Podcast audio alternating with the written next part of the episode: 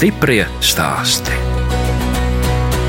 Es nesaprotu cilvēku, kuri sūdzās par to, ka Latvijā mums neko nav, neko nav, nekādas palīdzības. Man liekas, tas ir pilnīgi pretēji. Man ir tik daudz cilvēku un uh, instances palīdzējuši. Jūs tagad piedalāties konkursā Laukiem būt. Jā, tieši šis konkurss, kurā es piedalos, ir jauniešu biznesa ideju uzņēmējiem. Ir kaut kāds vecuma ierobežojums. Ja? Jā, tur bija no 18 līdz 40, kas ir ļoti īstenībā pareizi, jo es sapratu dzīvē, ko es gribu tikai ap saviem 30. Tā saka Anna Jurgaite no Dobeles novada Bikstu pagasta priedaņiem. Es, žurnāliste Daina Zalamane, šoreiz tiekos ar bijušo stjuārti un bijušo viesnīcas restorāna vadītāju, kas jau divus gadus gatavo ziepes un citus kosmētikas produktus. Anna šogad izveidojusi arī zīmolu ezervanna. Viņa Bikstu pagastā pavadījusi bērnību un pirms pieciem gadiem kopā ar vīru atkal atgriezās dzimtas īpašumā Meža malām. Bērnu dārzā neviens negājām, līdz skolas vecumam visi uzaugām bikstos šeit, jo mamma strādāja Rīgā, un mēs līdz skolas vecumam pie vecās mammas uzaugām, un tad bija jāsāk iet skolā, tad uz Rīgu pārgājām. Nu, mēs tādi vienmēr esam bijuši gan rīdzinieki, gan, gan bikstinieki. Skolā gājām Rīgā, bet nu, visas vasaras šeit, visas brīvlaiki, jā, un visas brīvdienas šeit.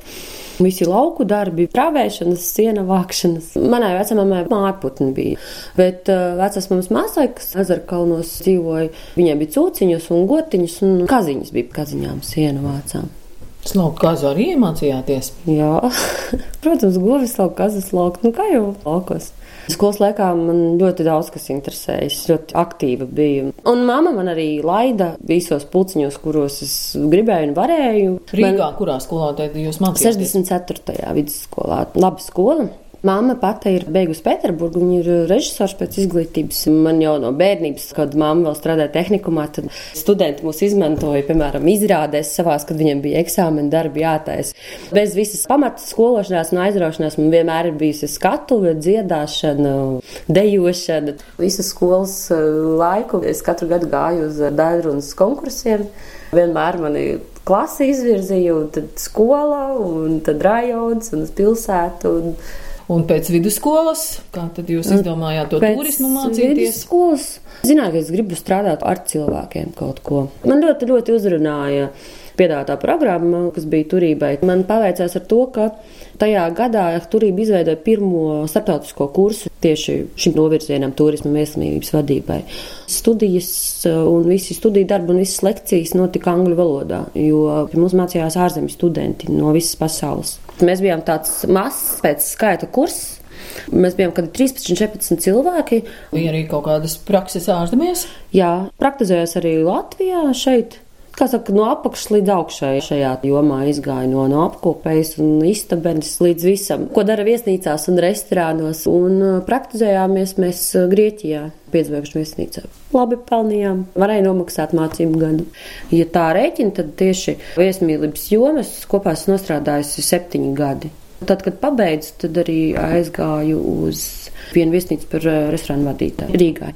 Sākā viesmīla, vecākā viesmīla. Es biju ļoti ilgi jau tajā visā nostrādājusi, un sākās krīze, un uh, pirmie krīzes rādītāji vienmēr ir viesmīlības uzņēmumi, restorāni, viesnīcas. Ir tīpaši viesnīcas restorāni, ir savādāka joma nekā vienkārši restorāns.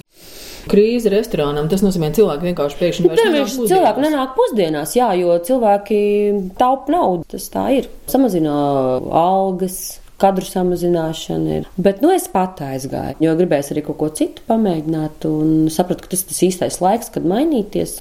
Restorāna darbību nomainīju pret kaut ko pilnīgi kardināli savādāku.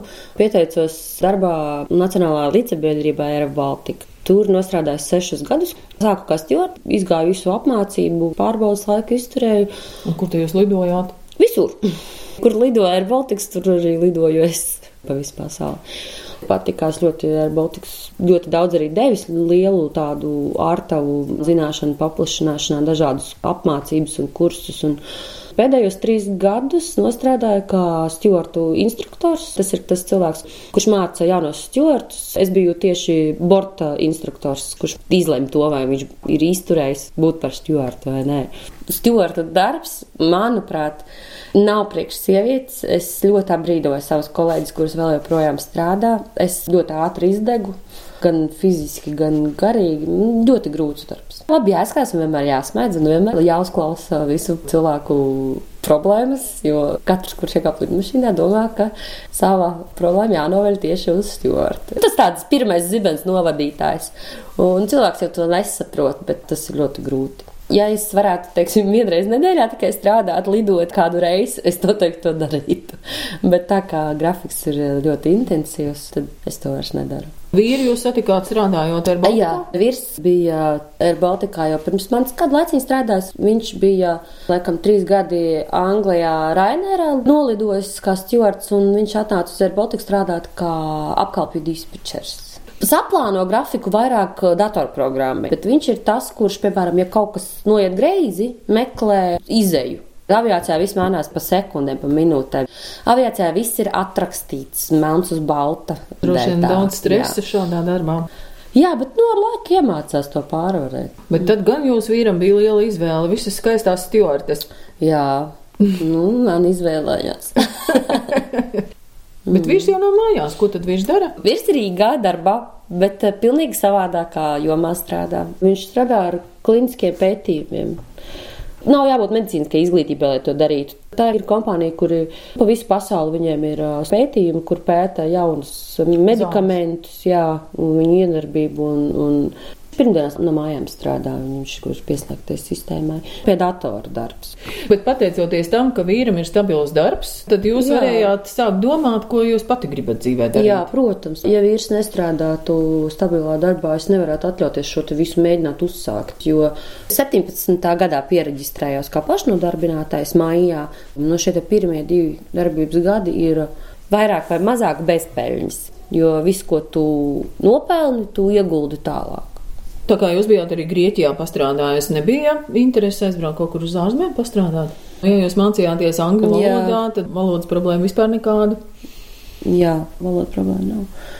Teiksim tā, man ļoti patīk ceļot, man ļoti patīk redzēt, bet pēc divām nedēļām man gribās jau mājās. Es nevaru bez Latvijas. Es nevaru citur sev iedomāties kā Latvijā. Un kas jums ir tās mājas? Tā ir šī māja? Jā, šīs... Vai mājas Rīgā? Nē, šīs ir mājas lauki ir mājas. Un mēs ar vīru pārcēlāmies uz šejieni pieci gadi atpakaļ laikam. Un beidzot tur iestājās miers dvēselē.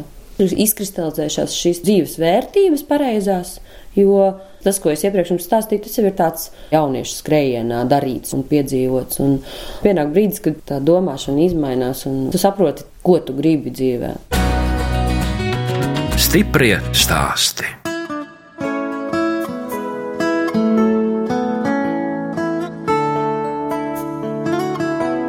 Jūs klausāties raidījumu stipri stāstī. Šoreiz ciemojos pie Annas Jurgaites, Dobels novada Bikstu pagasta priedaiņos.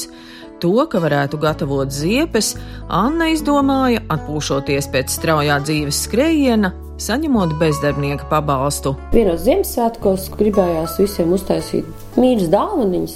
Vienu gadu mēs cepām piparkūkus visiem, un tad tajā nākamajā gadā domājam, nu, nu nevar atkal piparkūkus visiem cept. Izdomājām, nu, Uztaisīsim ziepes. Nopirku speciālajā veikalā šo ziepju masu pārkausējumu un piepilinājām kaut kādu smaržģiņu un piebērām kaut ko klāt un uh, uztaisījām katram dāvaniņu. Bet es vienmēr esmu bijis tāds cilvēks, ka man interesē izzināt, kā kas rodās, kā kas notiek. Atgriežoties pie skolas gadiem, man ne tikai skatu patika, bet es arī gāju bioloģijas pulciņā. Man ļoti, ļoti patika mikroskopā pētīt visu kaut ko. Man īstenībā arī ļoti, ļoti ķīmija skolā patika. Kā jau bezdarbniekam, gari ziemas vakari brīvi, visi mācību video internetā, un tā kā man tā angļu valoda ir tāpat kā latviešu valoda, tad ļoti plašs informācijas klāsts ir, no kura mācīties. Un, lasīju un pētīju un sapratu vienā dienā, ka nu, man ir jāpamēģina, kā tas notiek. Un sadabūju visas sastāvdaļas vajadzīgās. Un... Bet tad vairs nebija ziepju masa, jūs jau Nē, tad jau sārmu nopirku natrija hidroksīds. Ja? Nu, ir divi sārmi, ja no kā taisa ziepes - natrija hidroksīds vai kālija hidroksīds. No natrija hidroksīda var uzvārīt veco cieto ziepi, un no kālija var uzvārīt mīkstās Jā, jau kādreiz tāds sajūta, ka tās ziepes burtiski izšķīst. Atkarīgs no tā, kā ziepa tiek glabāta. Svarīgi ir tā uzglabāt ziepīti, ka tu viņu lieto, lai viņa notak visu ūdens nost. Man ir gadījies satikties ar saimniekiem, kas sāk, teiksim, maizi cept, un tad viņi man stāsta, cik viņi ilgi tur ir barojuši savus sunīšus, kaķīšus, jo tā maize tā nemaz nu uzreiz neizdodas. Bet ar ziepēm jau varbūt ir vieglāk. Taisnība ir, no sākuma gāja visādi, jo katrai eļļai vajag savu daudzumu sārmu pretīm, tur pēc speciāliem koeficientiem rēķina šo receptūru. Protams, bija reizes, kad neiznāk tik estētiski skaistas tās ziepes, bet eh, ar ziepēm ir tāds plus, ka viņas ir iespējams pārstrādāt. Ziepju darbnīca atrodas mājas bēniņos. Te jau ir plaukts, kurā ir saliktas visādas labas lietas. Jā, tumsā un vēsumā stāv plaukts ar etriskajām eļļām. Piparmētra, lavanda.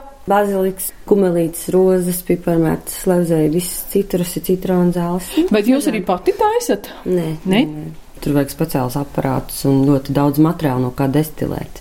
Tik daudz es vēl nespēju viens pat izdarīt, bet nu, es jau nezinu, nākotnē varbūt, kas to zina pēc pāris gadiem.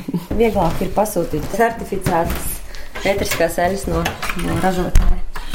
Tāda radoša gaisotne, vai ne? Bēniņos, tuvāk debesīm, daudz logu. Forši var redzēt rīta sauli, var redzēt vakara sauli uz visām pusēm. Un uh, ziemeļu pusē mums ļoti jauki ir, kad mājā aizsargā mežs.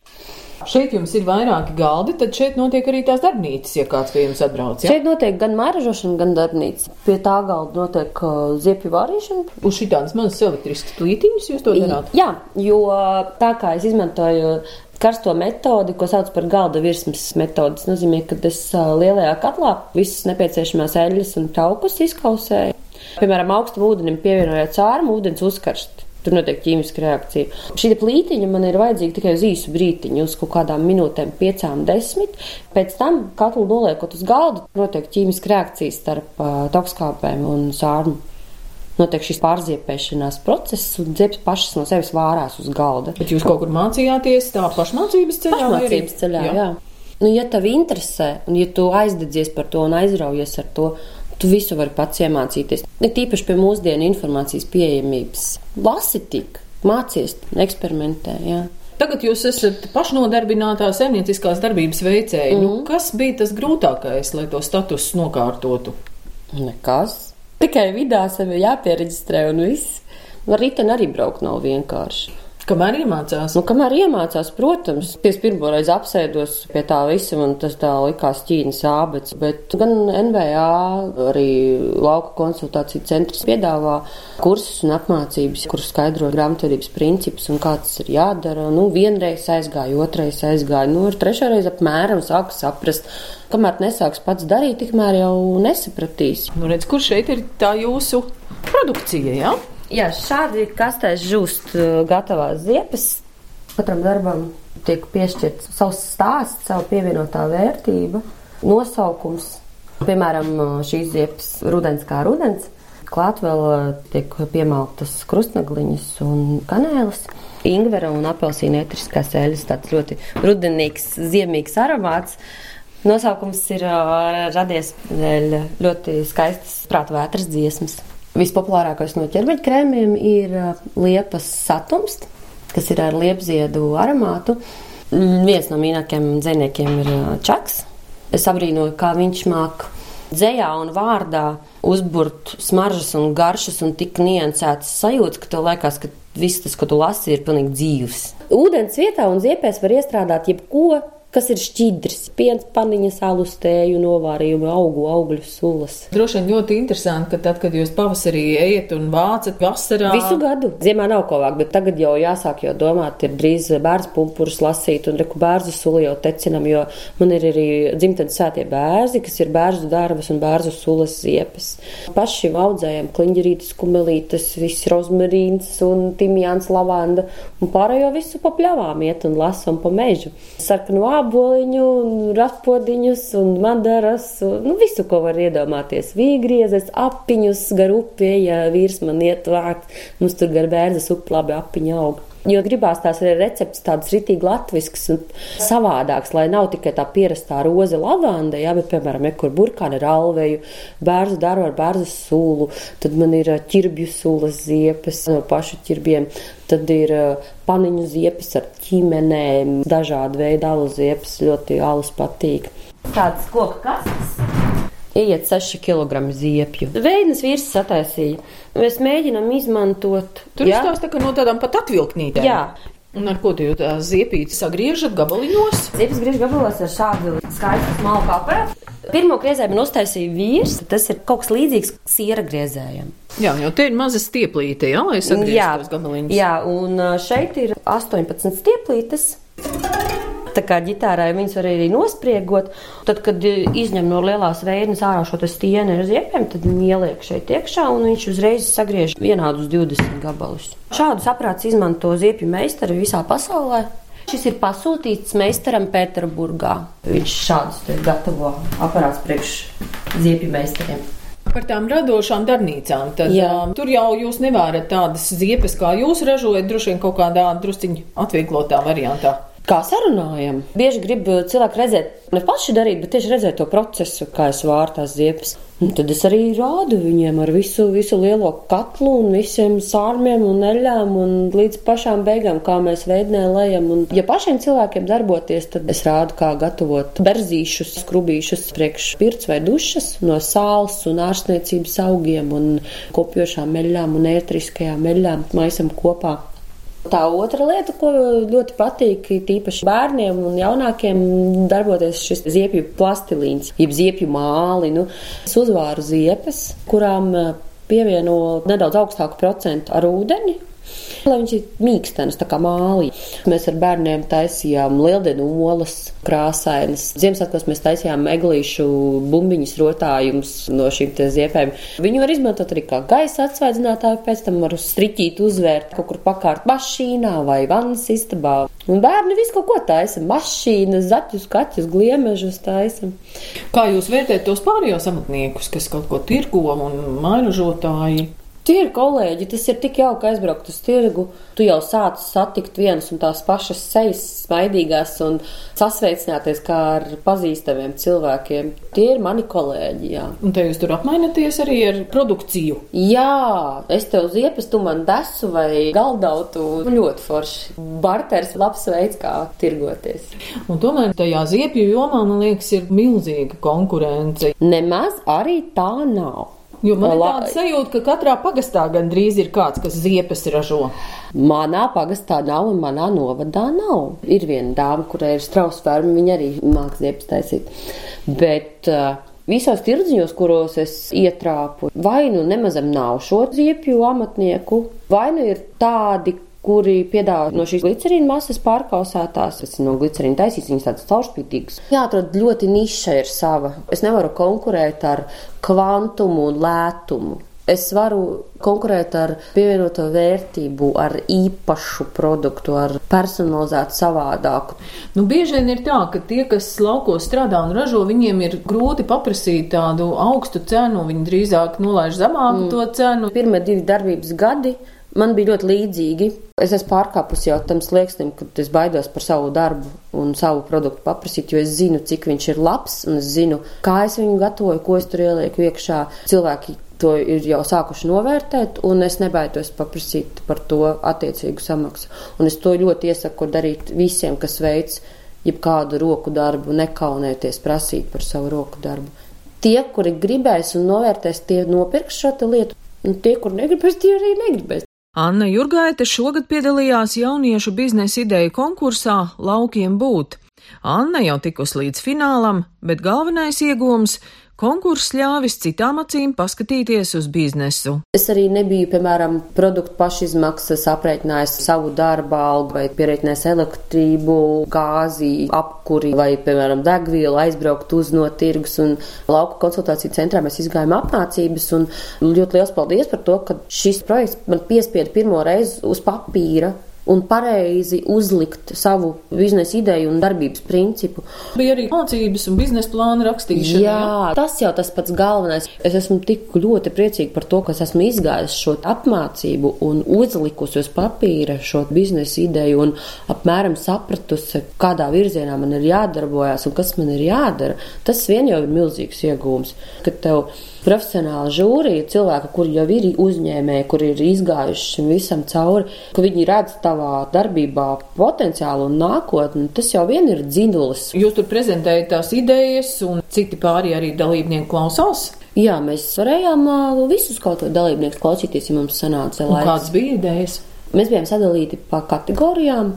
Es biju nelauksaimnieciskajā ražošanā, lauku teritorijā. Bija meitene, kura gatavoja pindas, sainīts ar ārstniecības augiem no līna, kur izmanto masāžu meistari spās talonos masāžām. Tad bija meitene, kura pārstrādāja koku materiālu, šos zarus visus dekoru materiālā floristiem. Un tad uh, tika meitene no Preļiem, kura uh, gatavo porcelāna izstrādājumus. Vispār bija ļoti jauki šīs divas dienas, ko mēs pavadījām jaunlīdumu amatu centrā. Satikt tikpat trakus cilvēkus ar tikpat mirdzošām acīm bija ļoti interesanti. Mums tur arī bija visādi grupu darbi un bija vērtīgi ļoti. Un tagad jums jau ir paveicies, jūs jau esat tikusi finālā. Mūsu biznesa ideja bija ezervāna dabīgās kosmētikas darbnīca veikals Bikstos. Būs arī veikals? Jā, mums viss ir procesā. Mēs pārcelsimies, mēs šeit nepaliksim. Mājas bēniņos būs atsevišķa ražotne. Fabrika Rūpēc. nebūs. Būs māja ražošana, bet uh, cerams, ka tāda jau efektīgāka un ergonomiskāka, bet uh, nepārlaužot šo smalko līniju starp uh, roku darbu un ražošanu. Tas nozīmē, ka jums būs arī ar laiku kāds darbinieks. Noteikti, jā, jo es jau jūtu kad mēs divi tā to nevaram vairāk izdarīt, jo produktu gatavošanu, saiņošanu, visu veicu es, sociālā tīklu reklāmas uzturēšanu. It kā liekas, nu, kas tur Facebookā, Instagramā sarakstīt, salikt bildes, safotografēt, bet tā ir pilna darba diena. Atbildēt uz vēstulēm, pasūtījumus, pieņemt, izsūtīt. Es varu izdarīt tik un tik labi, kā es to varu izdarīt, un es redzu, ko man rītdiena vai nākamā nedēļa vai nākamās mēnesis atnesīs. Es jums nevaru teikt, kas būs pēc diviem, trīs gadiem. Bet kāds ir tās jūsu ambīcijas? Nu, tās ziepes tirgo tikai Latvijā vai arī kaut kur jau tālāk? Protams, nevajag iestagnēt un vajag attīstīties, bet to vajag darīt cilvēcīgi un uh, tik, cik tu spēj pats. Es pieļauju, jā, ka pienāks tāda diena, kad es varēšu savu produktu piedāvāt ārzemēm. Stiprie stāsti.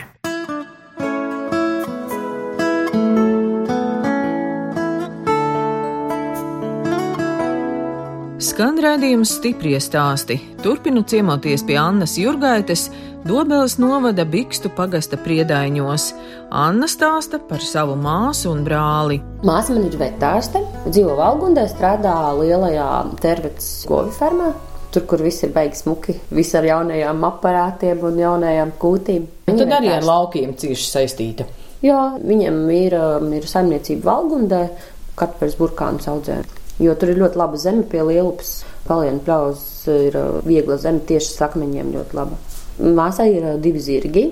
Arī izjājat kādreiz? Ļoti rēti. Māsa, protams, jau izjāja saviem zirgiem. Mēs bijām pagājušā vasarā ar māsīcu aizbraukušas pie māsas, izjādelējāmies.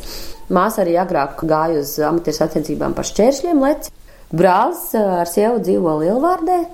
Brālis jau grāmatvedi ir. Brālis ir meistars visās jomās. remontē, būvē. Nu, Brālim arī ir augstākā izglītība, visiem mums ir augstākā izglītība. Bet nu, darām to, kas patīk labāk. Ir jādara tas, kas pašam patīk. Un cik bieži jūs šeit satiekaties visi priedaiņos? Diezgan, nu, standarts jau ir visi, protams, četri svētki gada. Ziemassvētki. Jā, nu, Ziemassvētku lieldienas, Jāņi, jaunais gads. Jaunais gads, jā. Nu, rudenī, zābolu tauku. Šis ir ģimenes mājas priekš visiem. Mēs esam liela draudzīga ģimene. Mums tā sanāca, ka mēs ar vīru iedzīvojāmies kā pamatiedzīvotāji, un tad pārējie brauc brīvdienās, brauc uz svētkiem un kopā ejam mežā, malku cirst un kopā talkojam, uzturam saimniecību kopā visi. Te ir laikraksts Zemgālē, kur jūs ar jā. esat, laikam, jā, jā? jā, bija kaut kāds pavasara koncerts, un kultūras namā ietrāpījām, un uh, reportieri mūs noķēra. Jā, uh, jūs vīram buču dodat. Jā, buču dodu, jā. Mēs abi ar vīru dejojam vidējās paudzes deju kolektīvā, vietējā bikstinieki. Esam ļoti labs vidējās paudzes deju kolektīvs, es pie reizes palielīšos, ļoti paslavēšu savu kolektīvu. Mēs eh, ļoti lielu maleči, mēs simtgadē uztaisījām, atjaunojām bikstu tautas tērpu. Pagājušajā gadā tieši simtgadus dziesmu svētkos deju kolektīvu kategorijā dabūjām pirmo vietu ar savu tautas tērpu. Mums ļoti īpašs tautas tērps. Mēs vācām santīmus un liepājā kalējas kala pogas no santīmiem. Sestdien ir mums ideja skata, un pēc tam braucam uz Poliju uz festivālu. Mums tagad te balles notiek, un koncerti, un viss kaut kas. Tā jau cilvēkam liekas, ka laukos nekas nenotiek. Nu, viss te notiek. Bet biksti nebija tādi neparasti tādā ziņā, ka jums tas kultūras nams ir kaut kur ārpus centra, jā? Viņš ir ārpus centra, jā. Mūsu kultūras nams ir ļoti skaistā vietā. Šoseis malā pa ceļam uz Jaunpili, pļavas vidū, ļoti mīļš, mājīgs kultūras nams. Ar mazu skatuvīti, un vienmēr, kad mēs rīkojam sadančus, tad visiem dejotājiem ļoti jāmāk mīļi sadejot uz mazās skatuvītes. Un kā ir ā, salasīt vidējā vecuma cilvēkus? Ļoti labi, jo mēs esam ļoti jauns gados vidējās paudzes kolektīvs. Mums vidējais vecums laikam bija ap 35. Bet tagad jau arī tās prasības ir vidējie kolektīvi, kuriem es zinu, ka ir grūtāk to visu izdejot nekā mums. Un bikstos tā dejošana, tā ir tāda sena tradīcija. Jā, visu laiku ir bijis jā, kolektīvs. Mēs simtgadē nosvinējām 20 gadu jubileju. Mums viena no dejotājām izdomāja ļoti skaistu tādu ideju, īpašu video. Mēs filmējām visu gada garumā ar visiem gada laikiem un izdarībām. Un kur jums tie koncerti notiek? Arī tepat kultūras namā vietējā? Vai jūs Ne, mēs braukājām apkārt, jā, mēs jau braukājām ciemos uz sadančiem un uz festivāliem. Un Un kāpēc tās tautas dejas ir tik svarīgas? kustēties vajag. Tas ir sports pa brīvu. Tā ir vēl viena ģimene pa brīvu. Tas ir iekodēts. Tu kustini citas smadzeņu daļas. Atcerēties At, deju. atcerēties soļus. soļus, atcerēties zīmējumus, redzēt citus, būt tajā komandā un kolektīvā. Un ļoti laba lieta. Uz tautsdejām mūs abus aizvilka mūsu kultūras nama vadītāja Evita Bieta. Viņa mūs savaņģoja vienā zaļumballē. Biksta centrā bija ielīgošana zaļumballa vienu gadu, un viņa pienāca un teica, nu jūs tādu dejojat, jums obligāti jānāk dejot pie mums. Bet vīrs dejo jau kopš bērnības, viņš modernās dejas dejoja. Stāstījāt, kāda jums ir bijusi dzīve. Air Baltikā lidojāt pa puspasauli. Kā tas ir tagad dzīvot laukos, nepietrūks sabiedrības? Vēl nē, man ļoti patīk laukos. Es laikam pa šo savu īso mūžu, es pārācos uz laukiem, es šeit septiņu gadu viesmīlībā un seši gadi aviācijā, esmu tik pārsātināta ar komunikāciju bijusi un ar cilvēkiem, ka man vēl joprojām nepietrūkst. Man ļoti patīk šis klusums un miers mežmalā. Man Nu, vieta ir pasakaina. Priekš mm, sabiedrības pietiek ar deju kolektīvu un šo te mazo ārpus mājas ģimeni.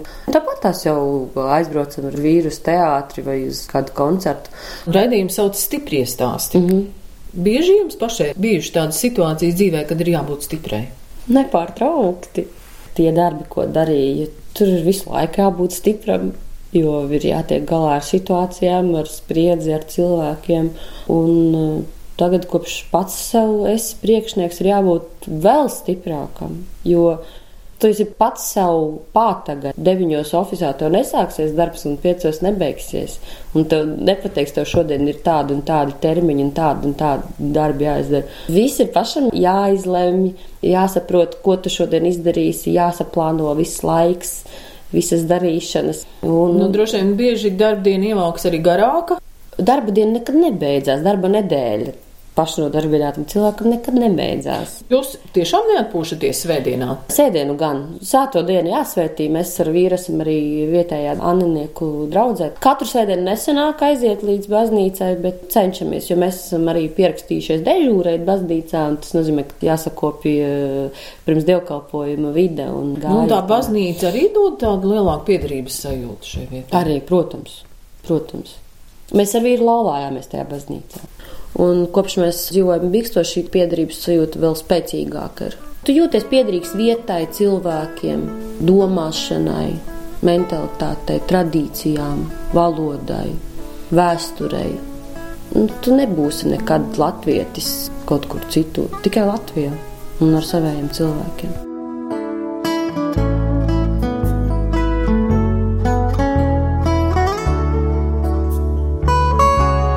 Radījums stipri stāsti izskan, un mēs atvadāmies no Annas Jurgaites, kas dzīvo Dobelas novada Bikstu pagasta priedaiņos, dejo tautas dejas un gatavo ziepes un citus kosmētikas produktus. Anna šogad izveidojusi zīmolu Ezervāna. No jums atvedā žurnāliste Dāna Zalamana un operātora Inga Bēdele, lai tiktos atkal tieši pēc nedēļas. Stiprie stāsti!